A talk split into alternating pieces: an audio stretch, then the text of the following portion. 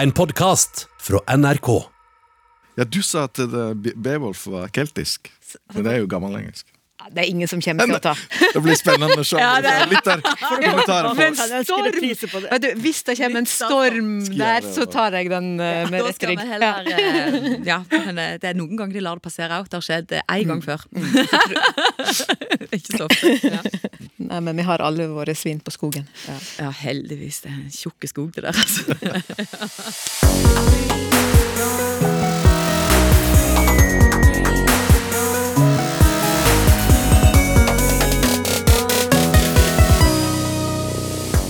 Egentlig dette hen alle skal til? Og kan en predikere hvordan uprediktable ord som uprediktabel kan smyge seg inn i mer eller mindre helt normale tale? Og hva er egentlig episk?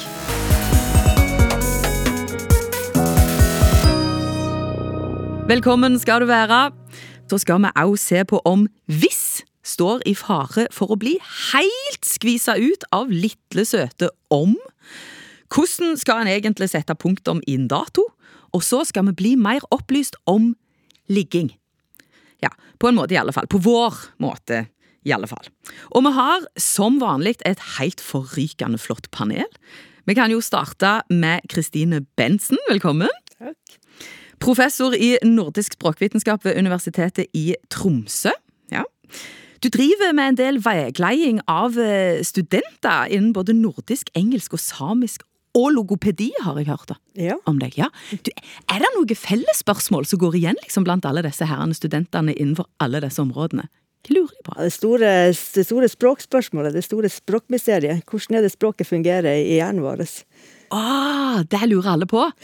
Overordna sett, ja. Ja, ja. må innrømme jeg lurer på det sjøl.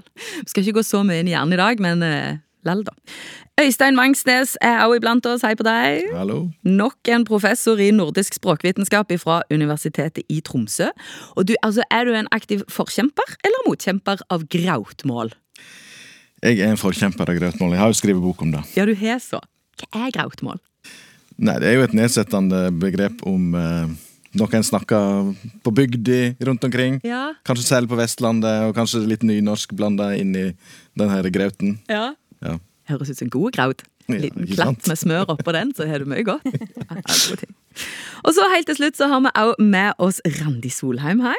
Hei.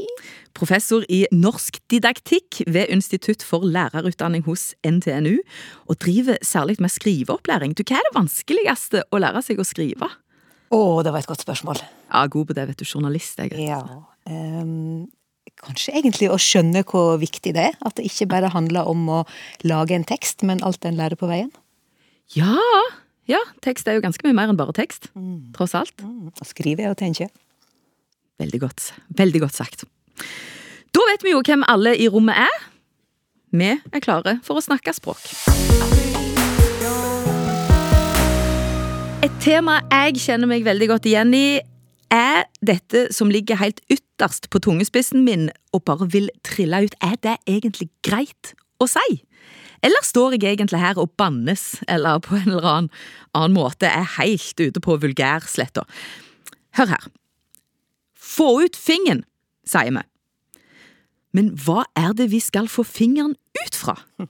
Jeg har flere ganger stoppet meg selv i å bruke uttrykket fordi jeg innerst inne er litt redd for at opphavet kan være noe drøyt. Er det det? Med vennlig hilsen ifra Remi.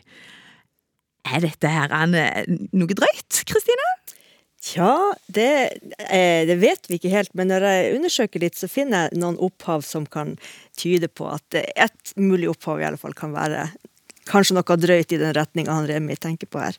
Eh, jeg, finner to eh, militære kilder til det her uttrykket her, eh, fra engelsk, altså 'pull out your finger'. Og det diskuteres at det har vært brukt i to, to litt forskjellige eh, kontekster. Den ene er en, en mer kroppslig kontekst, som kanskje er det han, han Remi tenkte på. Den andre er knytta til våpen. Men den her kroppslige konteksten den, den går rett og slett på at man skal få fingeren ut av sine bakre deler. Eh, og det går på at man skal slutte å sitte på hendene eller sitte og ikke gjøre noe. At man må komme i gang med å, med å gjøre noe. I- antageligvis i en militær kontekst. Kanskje man sitter og venter på at det skal skje noe. Og så, Og så sitter man på hendene eller slapper av eller gjør noe annet. Så er det da pull out your fingers som liksom skal være at man skal sette i gang og begynne å jobbe. Det er den ene, og da er det vel antageligvis har lånt inn sånn på norsk også, antageligvis etter den allerede hadde fått sin overførte betydning, hvor det bare betyr sette i gang. Ja. Ja. Den andre militære bruken jeg har hørt om som jeg er litt mer i tvil om, den, den skal være kobla til at man eh, når man skulle putte krutt ned i en kanon, så finnes det visstnok, fantes det visstnok noen noe trebit eller sånn som var liksom laga til det formålet, men det var visst mer effektivt og raskt å bare bruke fingeren til å dytte det kruttet ned i den kanonen. Og når man da skal fyre den av, så er det jo viktig å få ut fingeren før det blir fyrt av. Før det smeller. Ja, før det smeller. Så det er de, de to eh, opphavene jeg har funnet til det her. Og så vil jeg jo tro at det er lånt inn i norsk etter at det allerede har fått den overførte betydninga som ikke nødvendigvis har noe med den militære konteksten å gjøre. Men det var jo veldig greit at du sa dette her med at en da sitter på hendene sine, for jeg har jo lurt veldig på hva den fingeren skulle oppi der Ja, ja. i utgangspunktet. Ja, det kan du si. Det er vel sikkert bare en sånn litt ufin måte å, å si slutt å sitte med hendene i fanget og ikke gjøre noe som helst. Ja. Det blir for litterært, vet du. Ja. Sko sine hender og sånn, så dette her kan ikke si sånn. Nei. Fingeren ut. Fingeren ut, ja. Men altså, svenskene de sier at få tummen ur. Så der er det mer fingerspesifikke. Ja, det er tommelen, altså. eh, og da kan en jo tenke at eh, det egner seg kanskje bedre å ha tommelen i munnen hvis en skal begynne å snakke om holderom på kroppen. Og, og sitte og sutte på tom, tommelen, da, da sitter du og er gjerandsløs, stort sett. sant? Ja. Så få ut den, så, så kan, er du klar til å gjøre noe. Klar til strid. Og så sier vi òg å stikke fingeren i jorda, Ja. som er noe annet. da. Jeg vet ikke om det er noe samband mellom de uttrykket, neppe.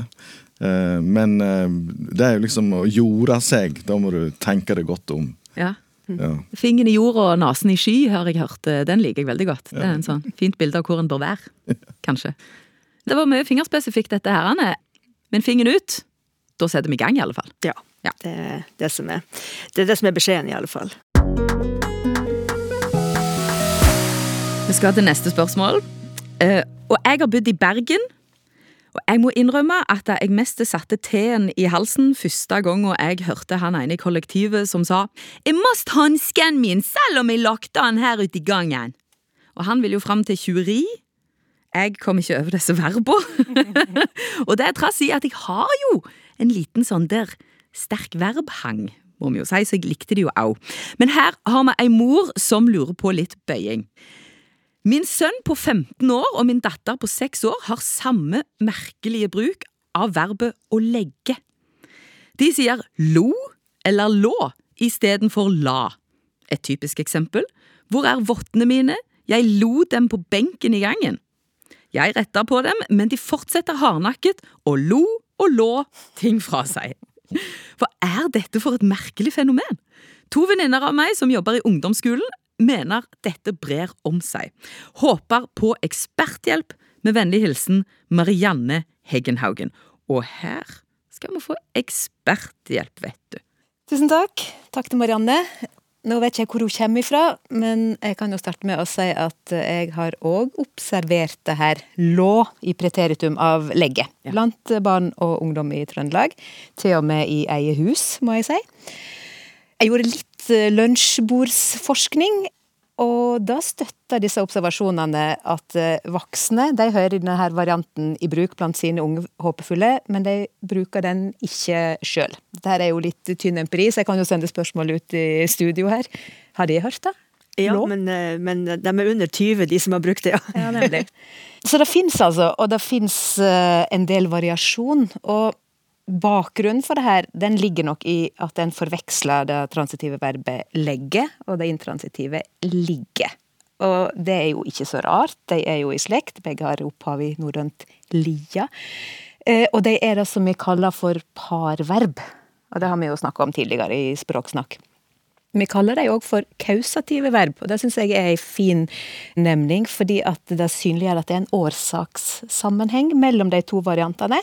Jeg kan si at jeg eh, legger vottene på hylla i gangen, og så ligger de der til i morgen. Ja. Men så kan det altså komme en liten sprett og, og si at nei, jeg lå deg i sekken. og det som han gjør da, er at han bøyer legget på samme måten som ligger. ja. Så da blir de nyansene borte, men vi skjønner jo hva han mener. Og så er disse her verba, disse her parverba, de kan òg ha andre sammenfallende former, og det kan òg være dialektavhengig. En kollega fra Språksnakkpanelet, hun forteller at hun stussa på at svigermora hennes stadig sa, ikke stadig da, men hun sa at hun hadde lagt på senga Ja. hele dagen. Og eh, hun lurte på hvor mange laken svigermor egentlig trengte, mens hun stakkar egentlig hadde prøvd å sagt at hun ikke var bredt frisk. Ja. Og i Bergen, som du var inne på innledningsvis, så skiller det ikke nødvendigvis mellom de her verbene i hele tatt. Der kan jeg både ligge i ommen og sitte på kaffen. ja, Ja. ikke sant? Så oppsummert, det er ikke uvanlig at ulike former av slike parverb verb går over i hverandre. Men eh, ja, det virker kanskje ikke som forma lå i preteritum er særlig utbredt. Så det er ikke det at de bøyer verbet feil, de bøyer feil verb?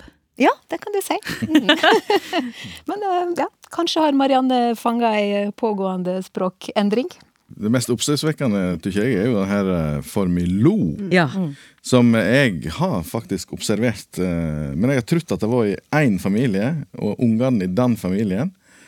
Men så eh, sier jo her, da, fra Marianne, at eh, hun nevner den for meg, og eh, sitter jeg og, og nikker her. Så, så det er jo kanskje noe som kommer inn. Jeg vet ikke hvordan den har kommet inn, for den er jo ikke i den andre verbet, da. Nei. Nei. Den har ingenting med noen av de verbene å gjøre. Nei. Snedig greie. Kan det endre seg til at eh, vi har lagt på senga hele gjengen? Det kan eh, veldig gjerne skje. Ja. Det har skjedd før. Ja.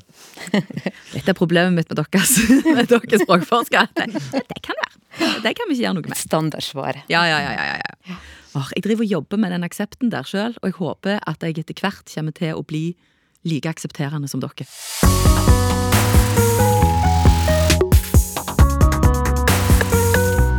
Skal dere få det som jo for meg ser ut som et kort og greit spørsmål. Eh, mulig at det ikke er så enkelt likevel, men det er Svein Erik som lurer. Takk for programmet. Her er et, i parentes, enkelt parenteslutt spørsmål. Hvor går man hen når man går hen?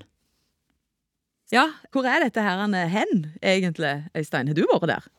Ja, jeg vet ikke om jeg har vært der, men det er jo to plasser i landet som heter Hen. Det er en eh, på eh, Rauma, Ja. og så er det på, eh, eh, Ringerike. Ja. Eh, men det er vel kanskje uttalen Hen, da. Men det er jo selvsagt Det var en fleip, da. Var det det? Forsøk, forsøk på en liten fleip. Så det er dit man går. Men det er ikke det. Det er, et, det er jo et, eh, et adverb som er, vi har lånt inn fra uh, lågtysk. Ja. Og det er det samme som i tysk hin. Ja. Så de som kan tysk, vet jo at en kan si vå Gestohin. Gestohin, mm -hmm. Ja. Og der fins den i et par med eh, et annet adverb som er her, altså her, som eh, ikke er så vanlig, kanskje, men, eh, men den sier det en del sånne sammensette preposisjoner som bis her og for her. Og, og det er grunnleggende sett så er hin, eller hen, da, det er retning fra taleren, altså vekk fra taleren, og så er her retning til taleren. Og dette har vi fått inn i norsk på et eller annet tidspunkt. Og vi, vi, sant, vi sier jo eh, ja, hvor, hvor ga du hen, eller hvor hen ga du, kan vi òg si. Så det er en måte å bygge ut et spørreord på. Altså det lokative spørreordet, som vi kaller det. Det er jo òg slik på norsk at vi, det her med retning eh, er jo der òg, fordi vi kan si altså hvor hen går, hvor hen går du, eller hvor går du hen? Eh, men vi kan ikke si hvor kommer du hen? Nei. Så da må vi si hvor kommer du fra? Ja. Men så kan vi på norsk, eh, tror jeg, vi kan ta en sjekk med dere, eh, hvor bor du hen? Ja. Det kan tyskerne ikke si. De kan ikke si 'hvor wohnst du hin'. Jeg tok i hvert fall en kjapp sjekk med en tysktalende om det. Så, eh, så det har, begynt, har kommet inn i norsk, og så har det begynt å leve sitt eget liv. Så vi har fått den, både den retning fra en plass, og at det kan være uten at det er snakk om bevegelse. da ja. som i 'Hvor bor du hen?' Og så eh, er jo dette, da, som jeg sa, en måte å bygge ut spørreordet på. En, en legger liksom til mat, mer material for å gjøre det tydelig at det, er snakk om den adverbielle eh, spørreordet. da. Og så sier vi noen eh, ganger at eh, hen har rett og slett overtatt som sjølve spørreordet. Så hen skal du, eller Ja. henne bor du, og så legger en igjen til den her eh, er òg henne. Og det, jeg tok en liten sjekk i noen korpus som jeg har. Dialektkorpus, talemålskorpus. Et som er litt um, eldre, med eldre talemålsmateriale. Lia-korpuset. Og da fant jeg treff på det i, i Bergen og uh, rundt Bergen. Og i Kristiansand. Men bare der. Det kan jo være tilfeldig. Og så sjekker jeg et litt mer eh, moderne, holdt på å si, nyere eh, talemålskorpus. Nordisk dialektkorpus. Og der er- er det langt flere treff. Og det er stor del av Sørlandet virker det som at det er vanlig, og bruker det som selve spørreordet. Og, og eh, fikk jeg òg treff på Voss og Fusa, så litt lenger ut fra Bergen. Kanskje er det en en utvikling på gang, at, at det blir mer og mer vanlig at det tar over for, eh, for det spørreordet. Jeg kan òg si det. Henne Ja. du. Ja. Jeg kjenner det òg fra Sognamålet, selv om jeg ikke sjøl sier det. Jeg vil jo si Kest, bor du. Og hadde du sagt Kest? Kest. Ja, å ja! Ja, ja vel. Spennende. Men òg H henne. Ja. Eller yngre folk eh, sier òg henne, bor du. Dette er ikke noe jeg får til å høre for meg eh, på austnorsk, hadde mest sagt. Hvor henne da? Hvor da? Hvor da? Ja, altså, Det er ikke noen tvil om at østlendinger kan legge det til hvor, Ja, men at det er overtatt for hvor, det veit jeg ikke. ja, nei, det tror ikke jeg heller. Ja. Og hin, det er noe helt annet på det er hi-sida og hi og ja. Ja, eh, det er for så vidt da. Jeg har ikke kommet så langt i gransking og, og funnet et samband der, da. Har ikke kommet til hi-sida ennå. Nei, nettopp. Men det er jo ikke helt, eh, helt utenkelig at det kan ha et felles opphav en eller annen plass eh, bak i språkhistorien. Oppe i nord da, Kristine, sier dere? Ja, hvor hen bor du og sånn går jo helt fint, men jeg vil ikke bruke bare henne nei, som et spørreord. Ja. Eh, Men den her så, opphavet fra hin, altså man snakker jo også om ja, Nå nå skal du sikkert komme tilbake til hva den her, hvor, hvor man går hen når man går hen, men altså, man snakker jo også om å gå over i det hinsidige, Ja. ikke sant? som sikkert også er Å vandre hen. ja, å vandre hen, som er den samme hen. da. Sånn at det, det henger nok sikkert også Ja, altså Den hinsides, eh, det er jo den eh, hin, hi-sida, eh, som er et terminativ eh, som vi har fra norrønt. Det, det er liksom ikke kommer via tysk. da. Oh, ja. Men det kan hende at, eh, at de har et felles opphav eh, lenger bak. Men som sagt, jeg har ikke kommet så langt i granskinga ennå. Og det er ikke på Ringerike det er snakk om. Ikke Ringerike og ikke Rauma. Sist uke snakket vi om olabukse her i Språksnakk. Klara Sjo hun ga oss såga om hvor flåttenfeiersk det egentlig er med både dongeri og jeans, og da mener jeg orda, ikke stoffa. Og det er flere som har skrevet inn til snakk.nrk.no eller i appen, der det står 'send melding til språksnakk' under de tre prikkene i høyre hjørne. Og, og altså, jeg mente jo Satt her på en høy hest og sa at olabukse det hørtes lite jærsk ut. Ja, det var feil, for her har jeg fått melding. Hei, Hilde og Adle. En rettelse til deg, Hilde, rundt navnet olabuksa. Du mente det ikke var jærsk, men jo! Jeg er født i 53, var da i tenåra på 60-tallet, og vi gikk i olabukse og kjøpte olabukse, ikke dongeri. Med vennlig hilsen Olav Uthaug. Jeg gir meg, jeg, Olav. Det er fint. Harald har også meldt seg. Hei. Uttrykket olabukse var velkjent på 1950-tallet for oss ungdommer født like før krigen. Tidlig på 1950-tallet tusket vi til oss like plagg fra amerikansk US Air Force-personell, som var på øvelse og forlagt på Bodø flystasjon. Da og der heter plagget blue jeans. Da plagget senere kom i butikkene under navnet olabukse, gikk det ikke lang tid før jentene fikk sine kariskjørt. Kariskjørtene var laget av samme stoff, altså dongeri, og med lik søm. Noen av skjørtene hadde til og med baklommer, slik som på olabuksene. Dere nevnte at soldatene i Tysklandsbrigaden ble kalt for olagutter. De tuslet nok til seg blue jeans fra amerikanske soldater i Tyskland, mener å huske at noen av olaguttene hadde med seg olabukse da de dimitterte. Også noen av guttene i utenriksfart kom hjem i slike bukser og var selvsagt inn. De voksne grein på nesen av plagget, dongeri var jo arbeidstøy. Med vennlig hilsen Harald. Det er lite som har forandret seg der, altså. Det er grining på nesen av disse ungdommene. Og så, blant andre helt essensielle ord, så hadde vi sist uke òg oppe deige. Her har vi ei hilsing ifra Laura. Jeg er født og oppvokst i Inn-Trøndelag på 50-tallet. Der var det vanlig å si date eller dat om kvinnebryst. Høres ut som det kan ha noe med die å gjøre, ja. Og så er det nok òg en god del minner ifra da en var ung, og alt var nytt og skinnende og blankt og flott og ja. Om deier ble det sagt at de ikke hadde vært i bruk før etter 1960. Der kan jeg korrigere. På realskolen i Åsane nord for Bergen hadde vi en kvinnelig gymlærer med deier. Altså store nusser, da. ja. Vi gutta sto månebeduttende i skolekåren når hun spratt forbi. Og det var rundt 1960. Det var Trygve som skrev inn. Nå skal vi til et spørsmål jeg har krangla med bror min om. og det er jo veldig veldig kjekt å få dette fagfellevurdert da, på høyeste plan. I alle fall dersom jeg får rett. Per er filolog og skriver hei.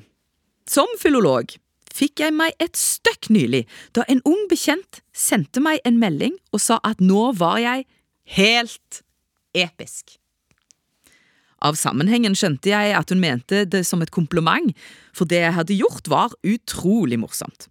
Senere har jeg hørt episk brukt flere ganger, på samme måte som sportsfolk sier at det var helt sykt å vinne.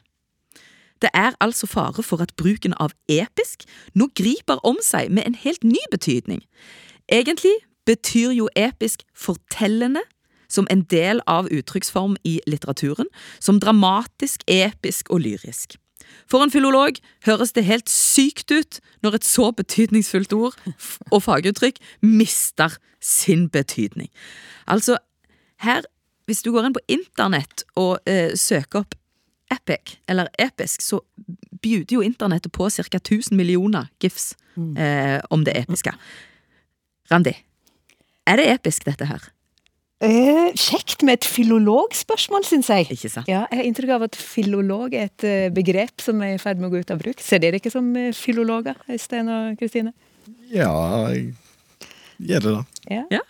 Nei, jeg tror kanskje ikke det. Jeg jeg tror kanskje det er fordi at vi blir litt for spesialisert inn mot de ulike språkvitenskapelige greinene. Men filologien er jo vitenskapen som samegner perspektiv ifra språk- og litteraturvitenskapen for å forstå en kultur. Og det er jo nettopp det vi kan gjøre her, da, for å prøve å forstå, og kanskje til og med anerkjenne, den eh, bruken av episk som han tar opp. Ja.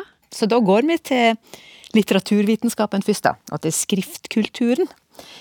Der adjektivet episk kan ha to like, eller to litt ulike betydninger, men med samme opphav.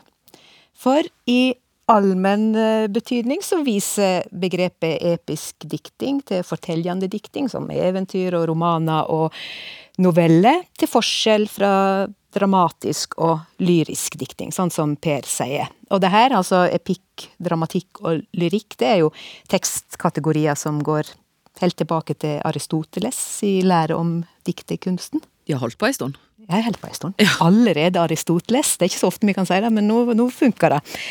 Og når vi først er der, da, i antikken, så kommer vi på sporet av den mer spesifikke betydninga av ordet episk, som er tydeligere knyttet til sjangeren epos. Og det er et fortellende diktverk som framstiller et hendingsforløp som kan være faktisk eller oppdikta i verseform.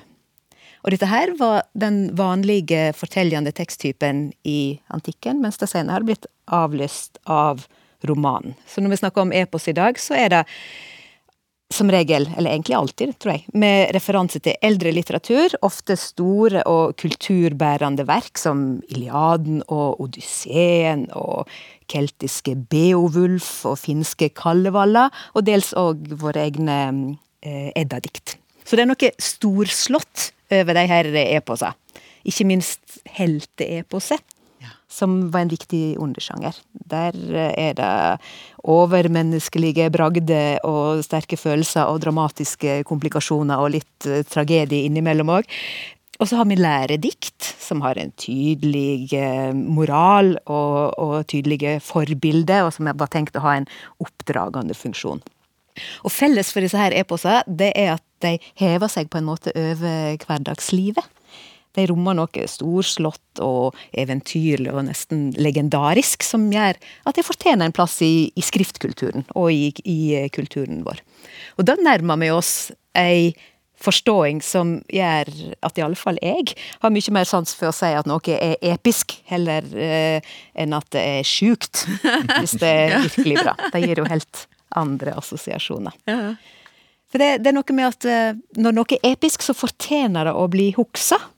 Det har en verdi utover den situasjonen som det ble eh, sagt eller skrevet i. Og det kan til og med inngå i eh, skriftlig eller muntlig tradert kultur. Mm. Og så er det jo òg faktisk ei betydning, det her som jeg prøver å, å resonnere meg fram til nå, da, som òg har funnet veien inn i ordbøkene. Nettopp fordi det er mye brukt i nyere tid. Men fremdeles med forankring i eh, skriftkulturen, altså. Så jeg tror at jeg slår et slag for eh, det episke, jeg, da. Men den kan gjerne spare det til de skikkelig store anledningene. Ja, ja, det er finstasen på, det er bunaden. ja, ja.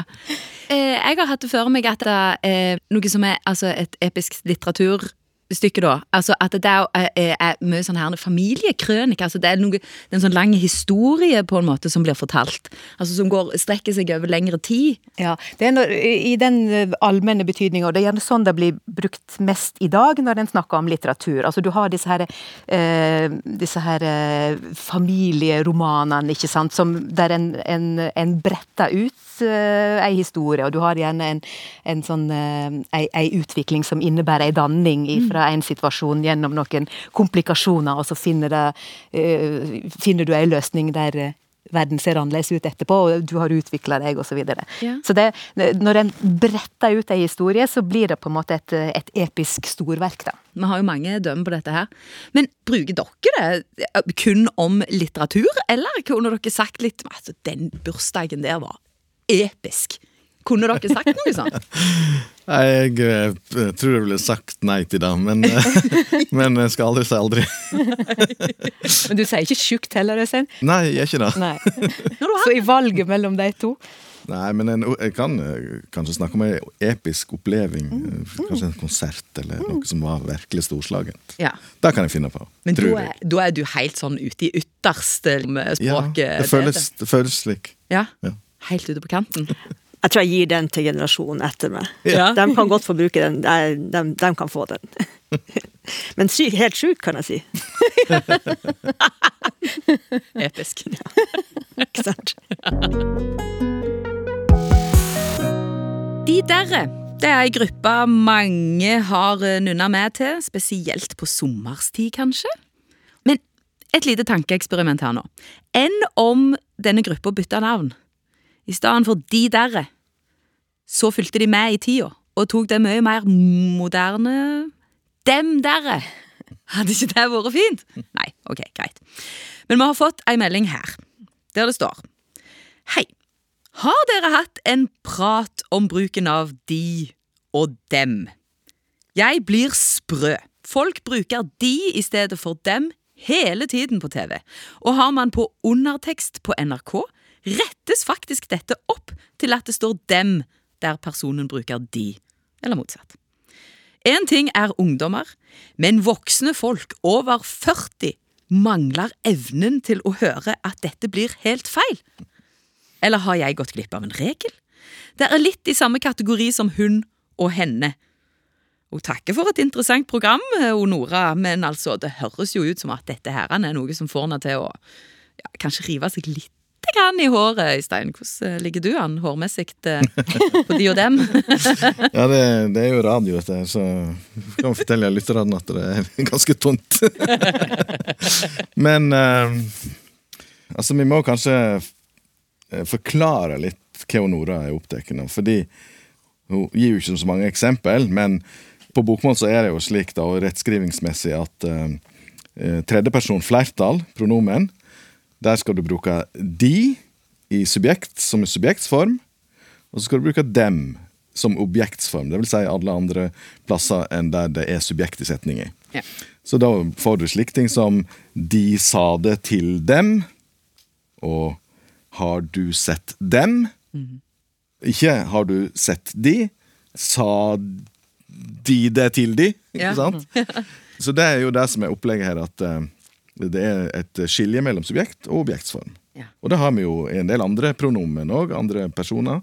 Så vi sier ja, Hold oss til bokmål, da. Jeg, meg, du, deg, han. Så kan du si ham i objektsform.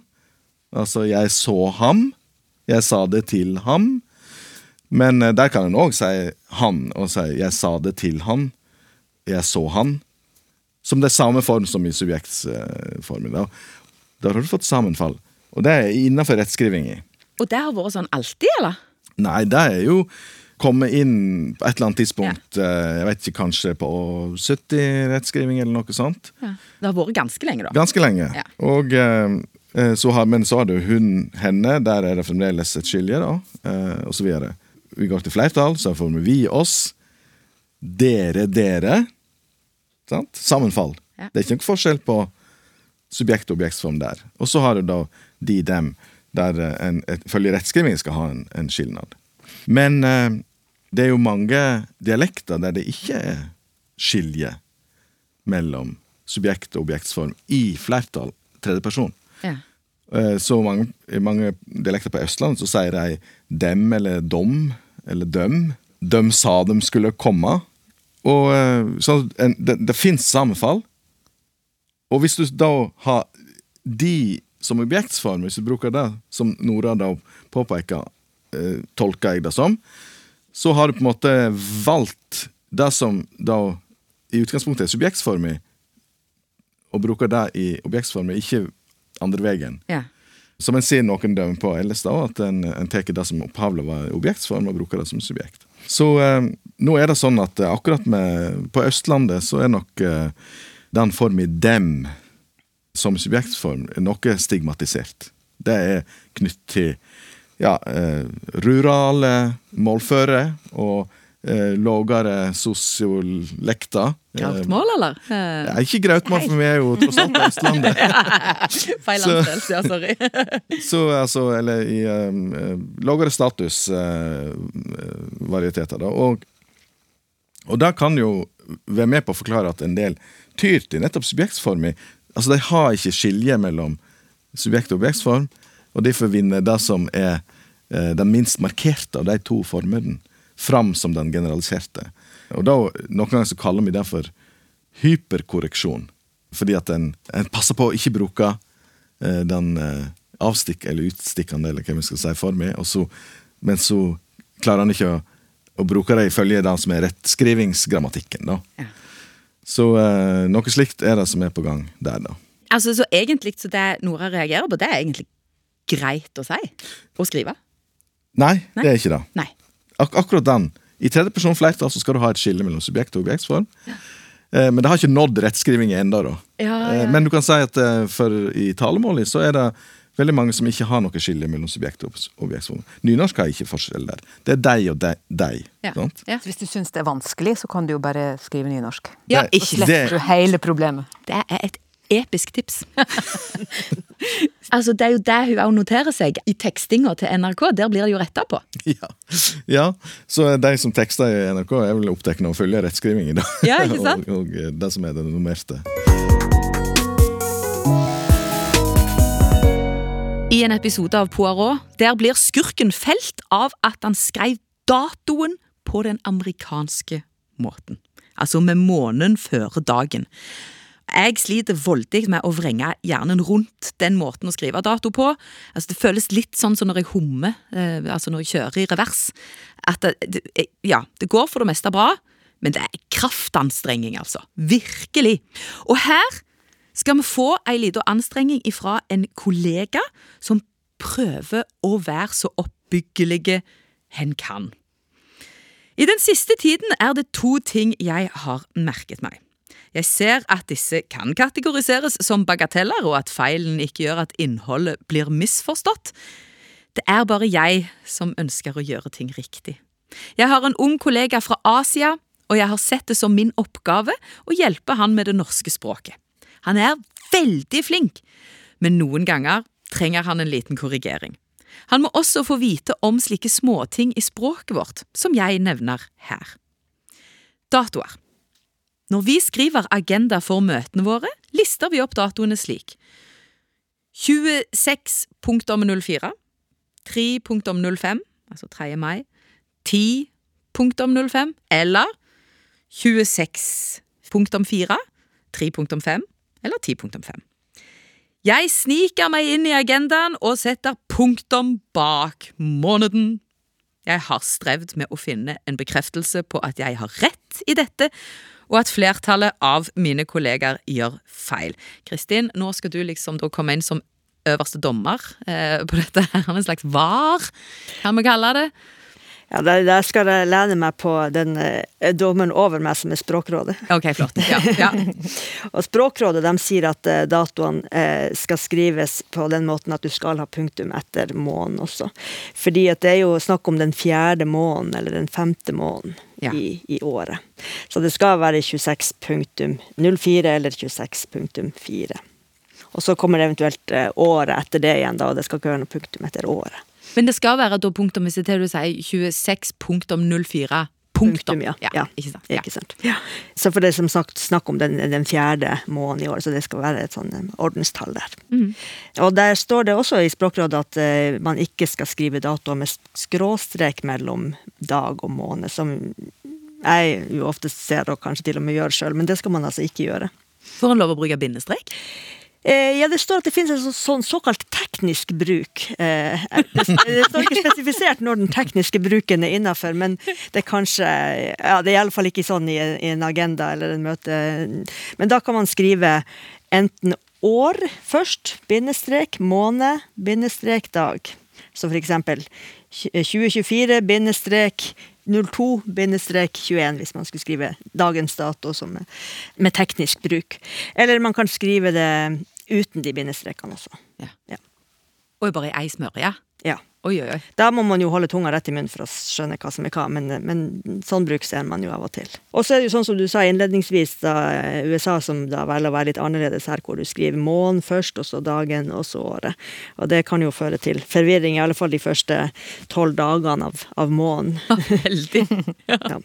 Har dere noe å legge til på dette her? Nei, men jeg er ganske nylig lært meg det der eh, at eh, du ikke skal bruke eh, sånn skråstrek. Skråstrek? Mm. Ja, noen år siden. Men så kjipe de var på det, da. Hvorfor får vi ikke lov? Vi kan jo vi kan utfordre dem på det, men jeg vet ikke, vi har jo så mange andre vari- varianter, så ja, ja. Ikke alle kamper en skal ta. nei. Nei, det var noe med det der. ja. Men også sant, det kjekke å tenke på er jo at vi hadde jo vunnet òg over Språkrådet, for det er jo vi som er brukerne. Forbrukermakt. Ja, ja, ja. I sin Språkbrukermakt. Ja. reine Skråstrek opprør. Lurer på om du går i bunad da. Bindestrekopprøret.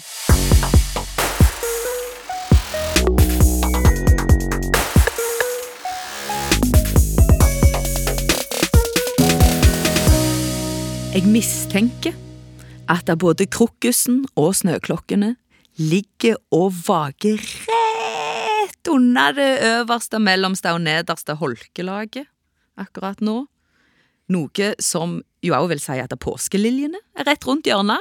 Ja, kjære alle sammen, det skal i år igjen livna i lunda, lauvast i li, og Kvikklunsjen den skal vel inntas i en eller annen slags solvegg. Og her er greia. Vi her i Språksnakk tenker å ha fokus på påsken i påsken. Språksnakk skal jo gå uansett hva høytid det er, og da trenger vi, som alltid, de hjelp. Har du et påskeord?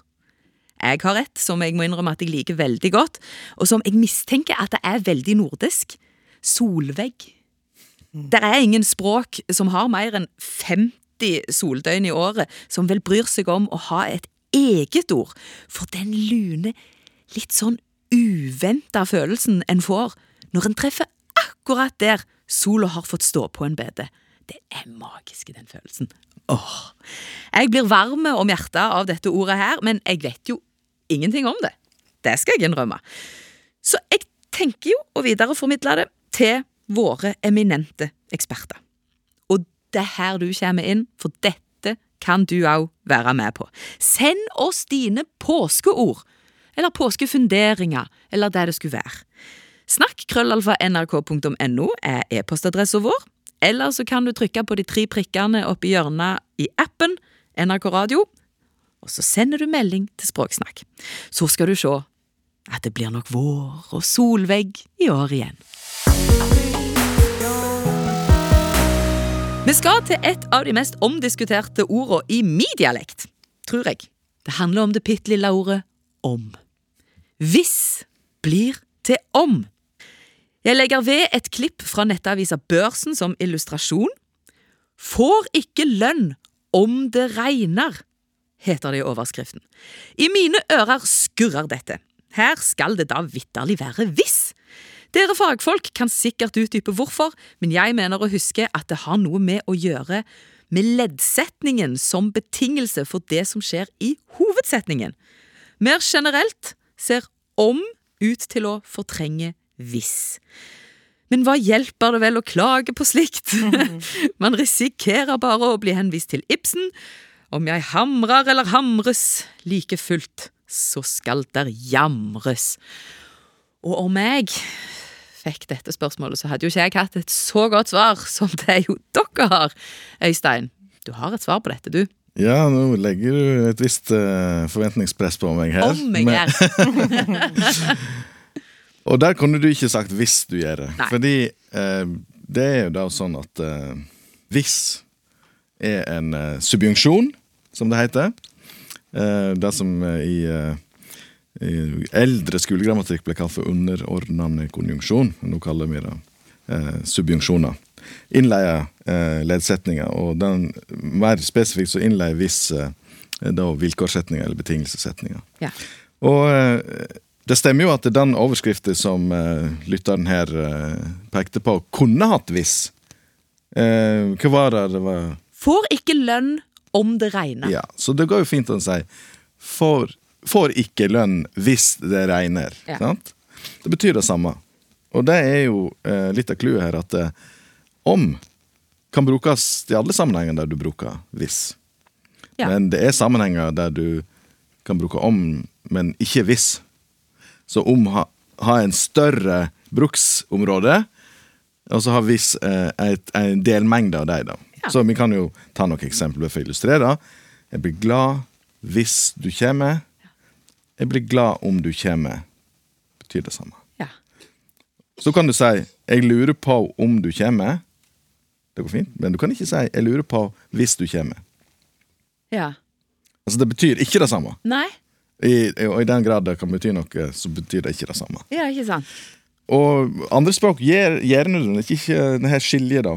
Altså har ikke nødvendigvis en sånn så spesifikk subjunksjon. Så i svensk, for eksempel, så, så er det ikke sånn. Og, og det er noe jeg merker eh, noen ganger, både blant eh, svensker som svorsker litt, og andre som har eh, norsk som andrespråk, at de kanskje bruker visst for mye, og i eh, sammenhenger der det ikke er idiomatisk, idiomatisk rett da, å bruke det. Ja.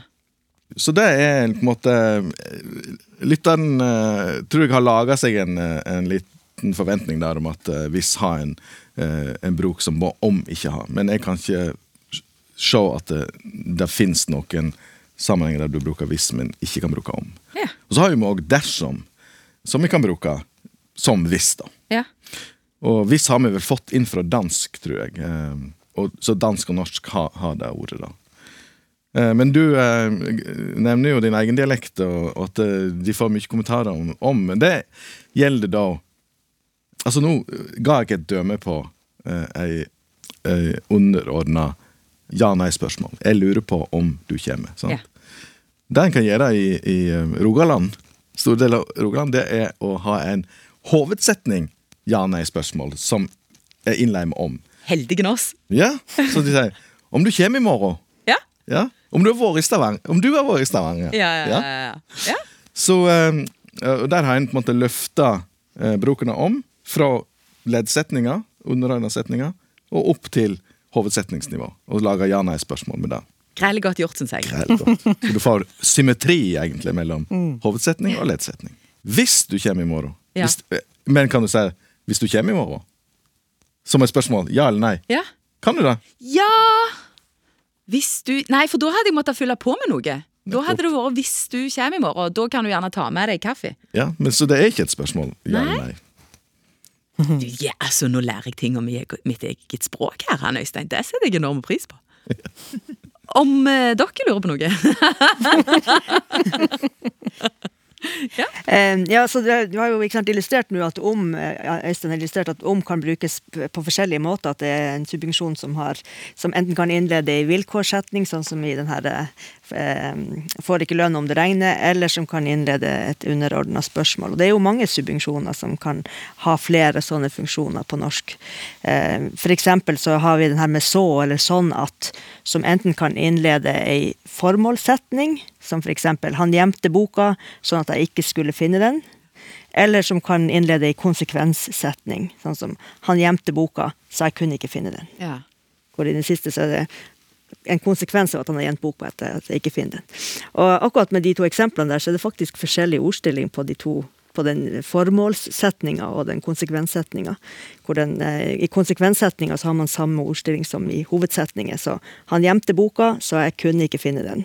Akkurat som man sier 'jeg kunne ikke finne den'. Ja. Men i formålssetninga så har man den ordstillinga som er vanlig i underordna setninger. Så han gjemte boka sånn at jeg ikke skulle finne den. Ja, ikke jeg ikke skulle finne den. Så det er forskjellige typer underordna setninger som kan innledes av samme subjunksjon, men som er forskjellig både i betydning, men også faktisk i grammatikken.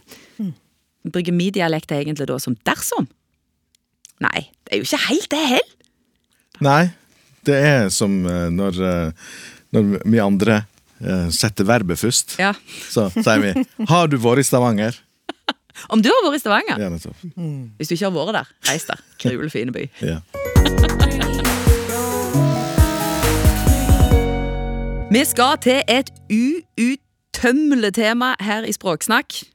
Innblandinga av engelsk i vårt pure og vakre og vesle språk. Hei i Språksnakk.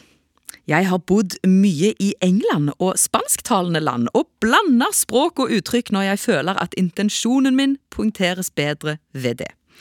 Jeg skjønner derfor godt at for eksempel engelske uttrykk på denne måten iblant integreres inn i dagligtalen. Det er en naturlig språklig konsekvens i en digital, global verden. På godt og vondt. Men nå nylig gjorde det vondt i øret. Hørte nettopp på radioen om uprediktable trafikanter. Denne forstår jeg ikke, det høres veldig rart ut. På hvilken måte forenkler eller poengterer dette språket? Uprediktable er dessuten tungt å si på norsk. Hvorfor bytter man ut uforutsigbar med dette? Og er det på vei inn i språket? Det var en hilsing ifra Pia Tellefsen, som bor i Oslo. Randi, uprediktable du, gitt. ja, tenk det. Å, den, den munnfull. ja. Jeg tror, jeg tror jeg svarer ganske kort på det, og sier at um, et søk i språkbanken vår viser at både uprediktabel og prediktabel, som da selvsagt kommer av engelsk predictable, eh, de er i bruk i norsk, og for så vidt òg i auka bruk, viser den her fine grafen som vi får opp der.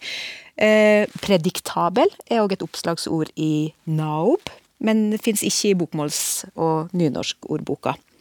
Hvis du spør hva jeg tror, så tror jeg likevel ikke at disse her ordene kommer til å breie seg i særlig grad.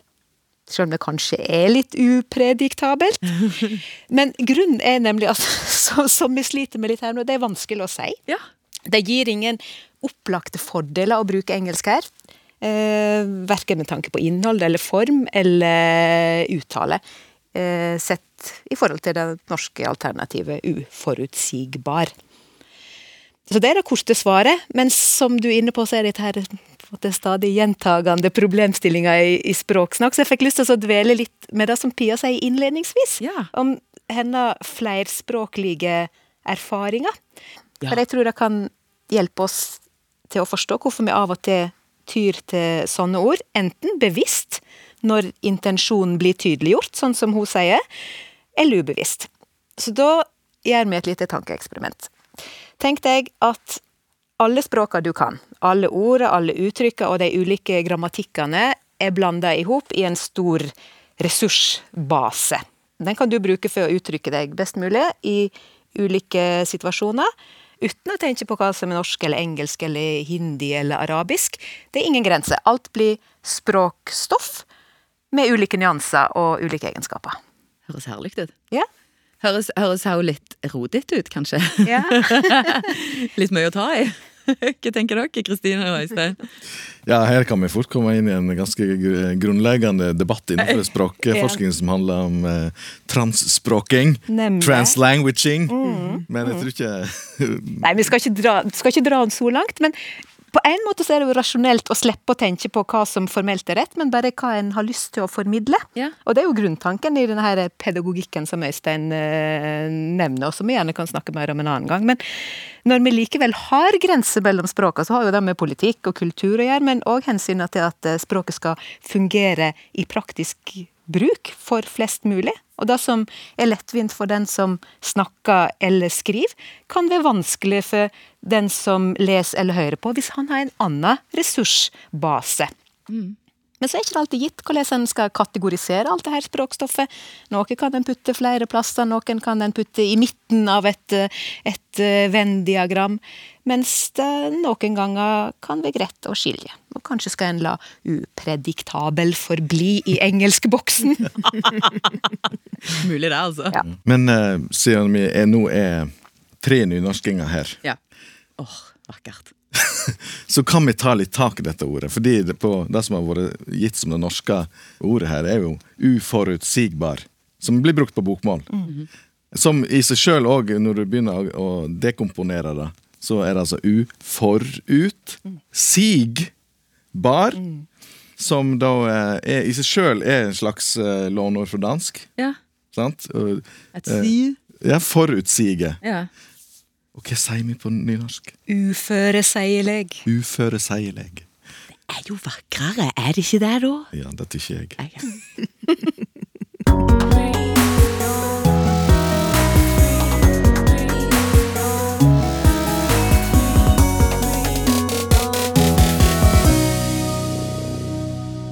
Bokmål-dissing, mest. Liksom. Altså, bare, så- altså, ta igjen, Kristine. Nei, nei, jeg ikke så forkjemper for verken det ene eller det andre. jeg fryder meg sånn. Det er så godt nå. Kjempeherlig. Da skal vi til ski nå. Ja. Yep. Nordmenn er født med ski på beina, blir det sagt. I så fall må jeg være svenske, eller kanskje jeg er danske. Men hva skal en da gjøre, når en først har disse pinnene på beina? Hei, i min barndom gikk vi på ski og sto slalåm. Eventuelt gikk vi langrenn. Etter hvert har det blitt mer og mer vanlig å gå på langrenn eller å stå på slalåm. Journalistene i NRK sier også det siste. For meg høres det fremmed og rart ut. Har dere i Språksnakk noen kommentarer til denne utviklingen?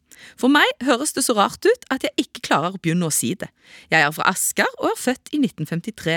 Med vennlig hilsen Sonja Skaar.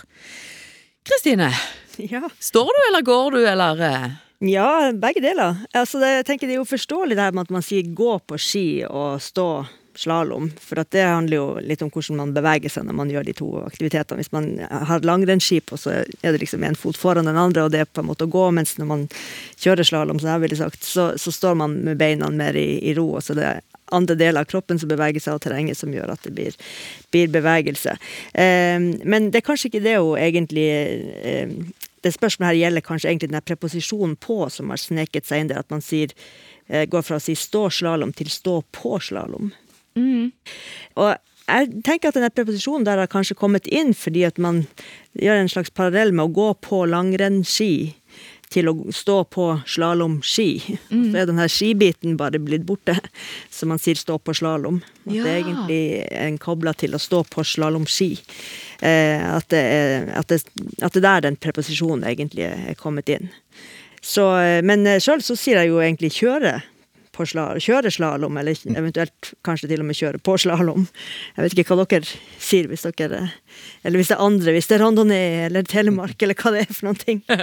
Du kan jo ikke stå på Telemark. Frank, kan du det? Gjør du det, Øystein? Jo, det kan man. Kan man kanskje Kanskje. høre til og med. Jeg. Lossingene de sier skri. Ja. Skri! Ja. Skri på ski. For da sklir du ikke, da skrir. Altså. Skrir. Men, men Skrida. Å ja, ja, ja, ja, ja. Da, ja, ja. Eller så får vi lage et verb ut av det, sånn som man gjør på engelsk. da, og Bare si jeg skal I'm gonna ski tomorrow. Jeg skal skie. -hmm. Det går jo Skiere. Ja, nemlig. ikke sant? Nydelig. Ja. Så, og hvis vi nu, Siden du snakker om at det blir vår etter hvert, så hvis vi nu tenker på sommeraktiviteten vannski, da, så eh, må jo den preposisjonen være med. Da må man stå på vannski. Man kan ikke bare stå vannski, men der uttrykker man jo også ski, da. Ja, for du kan ikke stå vann, i alle fall. Nei, og ikke bare stå vannski heller. Ja, og stå vann, nei, så det, det, det blir i hvert fall noe helt annet. Hvis det blir noe i det hele tatt. Trøvatnet, da. Ja, ja, det, det kan man gjøre. Ridavatnet? Jeg vet ikke. Nei,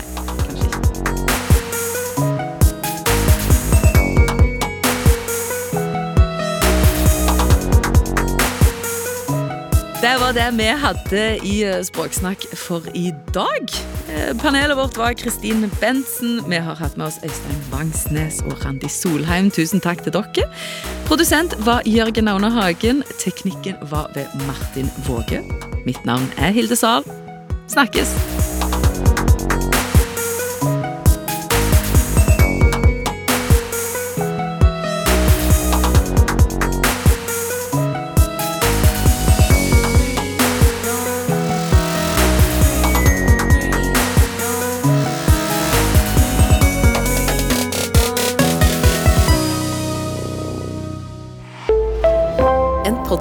Fra NRK. Det er mange måter folk møtes på, men hvordan finner du akkurat den rette for nettopp deg? Hvis du hadde sagt til meg at eh, du kommer til å møte en kristen avholdsmann som er aktiv i KrF, så hadde jeg ikke trodd at det var eh, drømmemannen. Men eh, det var det. Møt sterke personligheter og deres store kjærlighet. Vi ble bare sittende og snakke, og etter at vi dro derfra, så satte vi oss i bilen din. I Toyotaen til Magby. Interessante, rørende og nydelige historier om det første møtet. Hør Hvordan møttes dere? i appen NRK Radio.